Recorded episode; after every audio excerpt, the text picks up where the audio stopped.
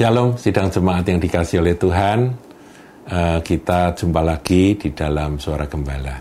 Dan kali ini, saudaraku, saya ingin berbicara tentang saat-saat di mana Ayub menjelang dipulihkan oleh Tuhan. Ya, setelah dia mengalami proses yang begitu uh, menyedihkan dan menyakitkan, di akhir daripada kitab Ayub, kalau kita buka di pasal-pasal terakhir, Tuhan sendiri akhirnya menjumpai Ayub dan berbicara kepada hambanya ini.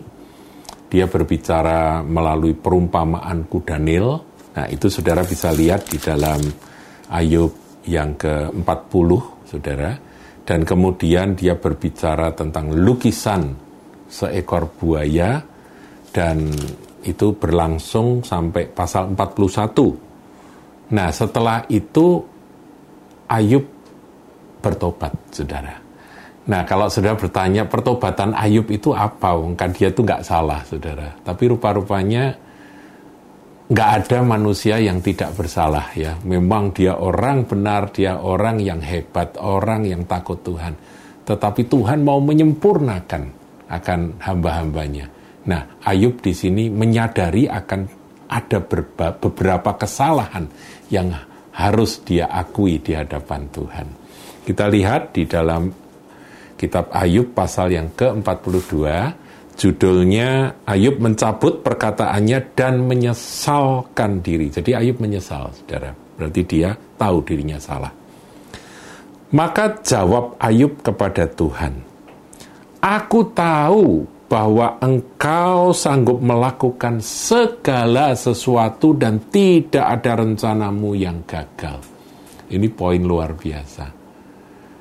Dia mengakui bahwa Tuhan itu maha kuasa, punya otoritas dan wewenang atas segala sesuatu, dan apa yang dia rencanakan itu tidak mungkin bisa gagal melalui peristiwa apa pun juga. Nah, pengakuan dari Ayub ini muncul di awal dari uh, apa yang saya sebut dengan pertobatan Ayub itu, saudaraku. Tidak ada rencanamu yang gagal dan engkau sanggup melakukan apa saja yang menjadi kehendakmu. Jadi kedaulatan Allah, otoritas yang tanpa batas dari Bapa surgawi itu diakui oleh Ayub. Nah kita belajar dari Ayub saudaraku bahwa kita pun harus bertobat kalau kita ini masih menganggap bahwa seakan-akan Tuhan itu tidak berdaulat di sini, di bagian ini, di sisi ini, di aspek ini dalam hidup kita. Kita harus melepas itu dan kita mengakui engkau sanggup melakukan segala sesuatu dan tidak ada rencanamu yang gagal. Tuhan punya rencana dan pasti akan dilaksanakan. Ayat 3, firmanmu, siapakah dia yang menyelubungi keputusan tanpa pengetahuan? Itulah sebabnya tanpa pengertian aku telah bercerita tentang hal-hal yang sangat ajaib bagiku dan yang tidak ku ketahui. Ayub sadar, aku ini merasa pintar, merasa berpengetahuan, dan aku ngomong ini, ngomong itu, bantah ini, bantah itu, mencoba untuk ya membela diri, mengapa begini, mengapa begitu, salahku apa dan sebagainya itu dikemukakan oleh Ayub dalam perbincangan dia dengan sahabat-sahabatnya. Dia sadar bahwa aku tuh melakukan itu tanpa pengertian yang benar. Nah, kemudian dilanjutkan di ayat 4, firmanmu, dengarlah maka akulah yang akan berfirman. Saudaraku, kita ini harus sampai pada tahap di mana kita ini memasang telinga dan kita berurusan pribadi dengan dia.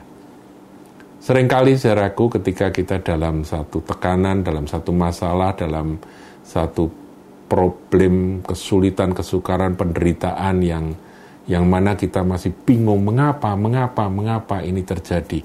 Ya seperti yang dialami oleh Ayub itu, itu kita harus tiba pada satu uh, tahap pada satu posisi di mana urusan kita pribadi sama Tuhan. Jadi urusan kita sudah bukan lagi pada manusia-manusia. Kita tidak usah tanya pada siapa-siapa, marilah kita berurusan dengan dia. Dan Tuhan berkata, aku akan menanyai engkau. Jadi nanti kita dialog sama Tuhan, supaya engkau memberitahu aku. Jadi kita nanti urusannya sudah bukan lagi ya seperti Ayub tadi didatangi teman-temannya, dia ngobrol sama temannya berbantah-bantah, udah selesai dengan itu semua. Mari kita berurusan dengan dia. Pemegang otoritas tertinggi dalam hidup ini.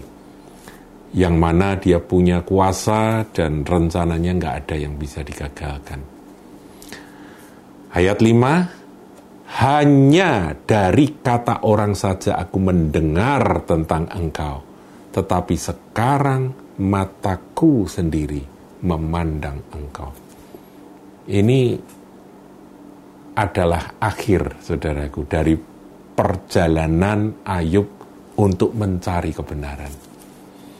Dan saya berharap kita pun juga harus tiba di sini di mana kita ini mengenal dia bukan dari kata orang. Saudara, pada awalnya kita mengenal Tuhan Yesus pasti dari kata orang. Kita mendengar firman Tuhan disampaikan, kita tertarik, kemudian kita buka hati dan kita percaya kepada Yesus. Kita mengaku, kita dibimbing, kita diajar, itu penting. Penting sekali dan itu Alkitabiah. Jadikan semua muridku, kata Tuhan. Jadi pemuritan itu penting. Tetapi di dalam pengalaman pengenalan kita akan Yesus Kristus Tuhan, ada saatnya kita tidak lagi hanya dengar dari kata orang. Sampai Anda, saya berhadapan muka dengan muka dengan dia. Dia menanya, pada kita dan kita menjawab dia dan kita berdialog dengan Tuhan secara pribadi sampai kita jumpa muka dengan muka dengan dia. Makanya dikatakan sekarang mataku sendiri memandang engkau. Bukan dari kata pendeta, bukan dari kata pembimbing rohani, bukan dari kata si A, si B, tapi dari engkau sendiri. Dari bibir mulut Tuhan yang aku dengar sendiri. Saudaraku, kita harus tiba pada tahap itu dalam perjalanan kedewasaan rohani kita, pertumbuhan kita menuju kedewasaan. Oleh sebab itu, kata Ayub ya di akhir perikop ini, aku mencabut perkataanku. Dia sadar bahwa dia ngoceh begitu panjang lebar sebelumnya itu salah melulu dia berbicara macam-macam, saudara bisa baca itu Ayub itu kan kitabnya tebal, saudaraku ya, pasalnya banyak. Dia ngobrol, dia dia berbantah-bantah dengan temannya, sahabat-sahabatnya, sampai yang terakhir dengan Elihu yang ditafsirkan sebagai hamba Tuhan. Nah saudaraku, dia cabut perkataannya. Sebab itu aku mencabut perkataanku dan dengan menyesal, Ayub menyesal Aku duduk dalam debu dan abu. Sekarang aku tahu Tuhan bahwa semua yang aku katakan itu salah. Yang aku fahami tentang engkau itu keliru, yang eh, apa terekspresi dalam kata-kata semua keliru. Aku cabut, aku bertobat, dan aku sekarang sujud di hadapanmu. Aku menyesal dan duduk dalam debu dan abu. Saudaraku, inilah saat-saat sebelum Ayub dipulihkan. Jadi kalau ada di antara saudara sedang menghadapi proses yang mungkin mirip dengan Ayub, sedang dalam proses uh, kehilangan banyak perkara ya. Ayub itu kehilangan hartanya, bahkan anak-anaknya meninggal dunia, tubuhnya sakit. Jadi penderitaannya sudah di luar batas. Habis semua, padahal dia orang terkaya pada zamannya. Ya, di daerahnya itu dia orang terkaya. Itulah Ayub. Jadi habis semuanya. Tapi dia tunduk dan dia mulai mengenal Tuhan secara pribadi. Dan itu adalah awal dari pemulihan kisah Ayub.